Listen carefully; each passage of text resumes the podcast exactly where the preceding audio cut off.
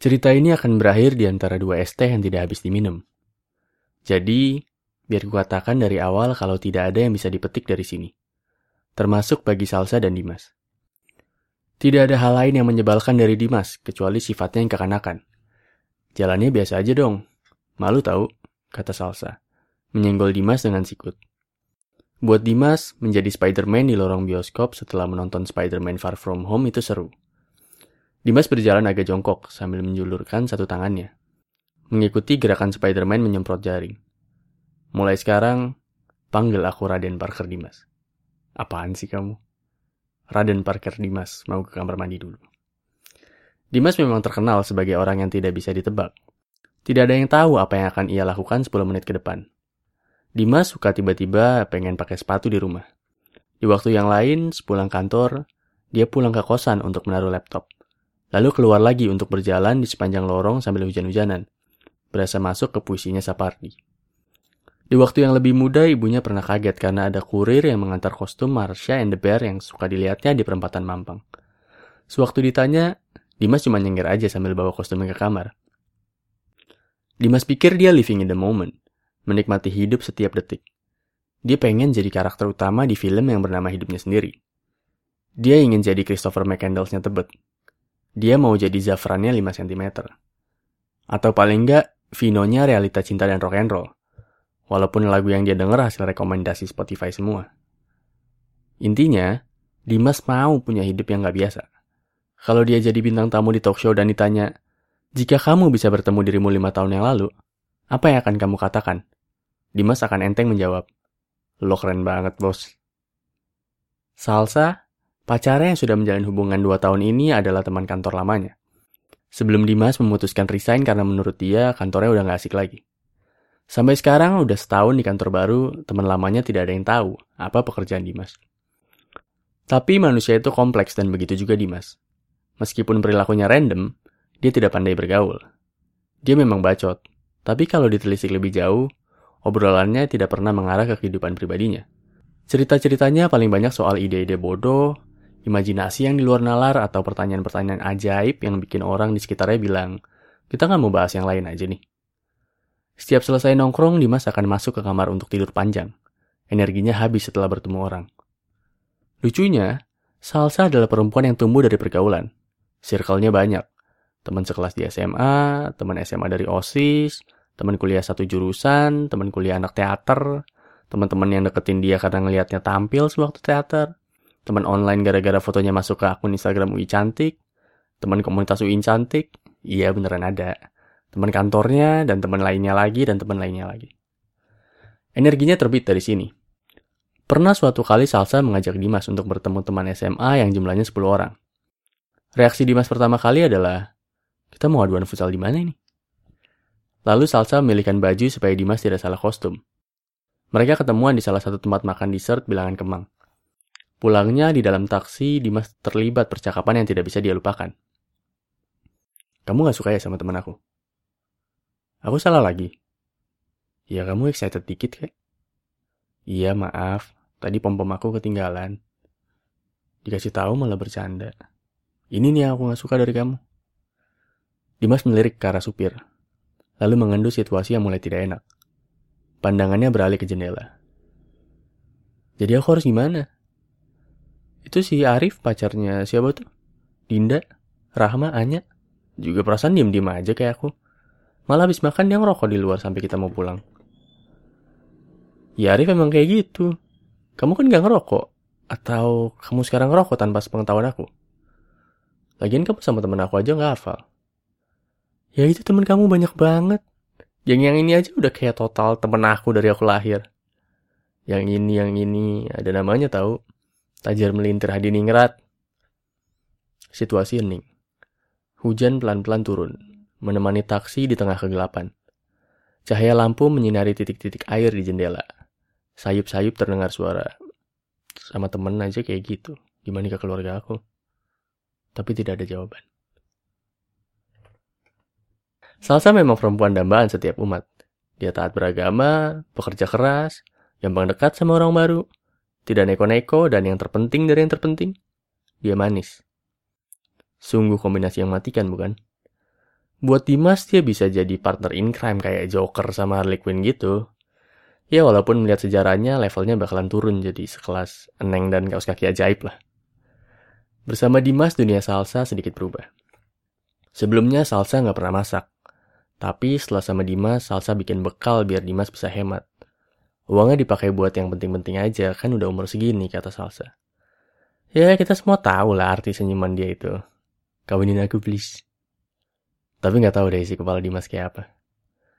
Salsa yang sebelumnya nggak pede setelah sama Dimas jadi sering foto dan ngerekam hal-hal berdua. Alasannya kalau kata Salsa biar punya banyak kenangan aja. Pertama kali mereka nyobain pakai grab wheels lah, foto waktu main badminton bareng di Senayan lah, sok-sokan masak dan ikut master chef tapi ujungnya mesen GoFood lah, waktu nemenin Dimas pindahin kosan lah, dan satu foto piring berisi pasta yang suka dia buka setiap mereka marahan. Foto yang diambil di restoran Italia sekitar Tebet. Ketika Dimas pertama kali bilang, apa kita serius aja ya? Salsa yang sebelumnya nggak pernah jalan kaki di trotoar Sudirman, Salsa yang sebelumnya belum pernah makan sate di Monas malam-malam sampai hampir tutup. Salsa yang tadinya hidup lempeng-lempeng aja, sesuai dengan aturan, sekarang jadi mencang-mencong suka keluar trek. Semua gara-gara satu manusia laknat bernama Dimas ini. Tapi manusia itu kompleks dan begitu juga Dimas dan Salsa. Seiring berjalannya waktu, masalah pertama datang, lalu masalah kedua nyusul, dan masalah ketiga. Pada mulanya semua biasa aja. Dari pertengkaran di dalam taksi soal teman, lalu soal keluarga, lalu soal kangen yang gak ketemu-ketemu, lalu masa depan, lalu pandemi ikut ngerusuh di hubungan mereka. Dari telepon pertama yang gak diangkat, sampai video meme dari TikTok yang gagal dibagikan, dari yang biasanya kalau ngechat yang ngechat aja, sekarang jadi kepikiran. Ini kalau aku nggak ngechat duluan, apa dia bakal ngechat ya? Lalu berakhir saling tunggu. Lalu malah nggak ada yang ngechat beneran. Dari yang segala hal receh dikabarin sampai cuma persoalan-persoalan penting aja. Mereka pikir hubungan mereka mulai dewasa. Sampai mereka membantah pikiran mereka sendiri di kamar masing-masing. Kalau cinta bisa datang karena terbiasa, apa sendirian juga? Motor kamu di mana? Tanya Salsa. Baru keluar stasiun MRT Senayan. Masker kamu bagus. Beli di mana? Aku di FX. Dimas memberikan earphone bluetooth sebelah kanan ke Salsa. Lalu memasang yang kiri di kupingnya. Susah ya pakai ginian kalau pakai masker? Dimas diam aja. Entah sibuk cari lagu, entah masih merasa canggung. Lagu Great Goodbye-nya Koldiak dimainkan. Tangan dong, kata Dimas. Salsa menyodorkan telapaknya. Dimas menuang hand sanitizer lalu menggenggamnya. Agak banyak ya jadinya. Salsa ketawa aja, walaupun suasana canggungnya masih terasa. Yuk. Itu hari Selasa sore. Cuacanya cukup berangin karena musim hujan baru aja datang. Berhubung pandemi, jalanan lebih lengang dari biasanya. Ada seorang bapak yang jalan agak cepat. Mungkin ingin buru-buru sampai ke rumah. Ada satu mobil patroli berhenti di bawah flyover. Kamu masih sayang aku nggak? Bisa nggak pertanyaan pertama yang agak gampang dikit? Menurut kamu itu susah? Emang kalau kamu gimana? Dimas menolak jawab duluan. Nggak tahu apa alasannya. Satu lagu lagi nanti aku jawab. Mereka berhenti di salah satu kursi beton dekat halte Transjakarta. Di antara mereka ada tanda silang dengan semacam lakban merah di tempat duduk. Seorang penjual kopi keliling datang dengan sepeda. Berhenti tepat di sebelah mereka, tapi nggak bilang apa-apa. Awkward. Es teh manis di cup plastik bisa? Si abang mengangguk. Lima menit kemudian, di atas tanda silang ada dua es teh membatasi mereka. Jadi, Dimas membuka percakapan kembali. Aku masih. Tapi kita udah mau empat tahun loh. Aku tuh semalam sholat, berdoa minta yang terbaik. Kamu minta lanjut sekarang. Soal aku dan keluarga kamu? Dan nanti kita ke depannya? Salsa diam. Dimas diam.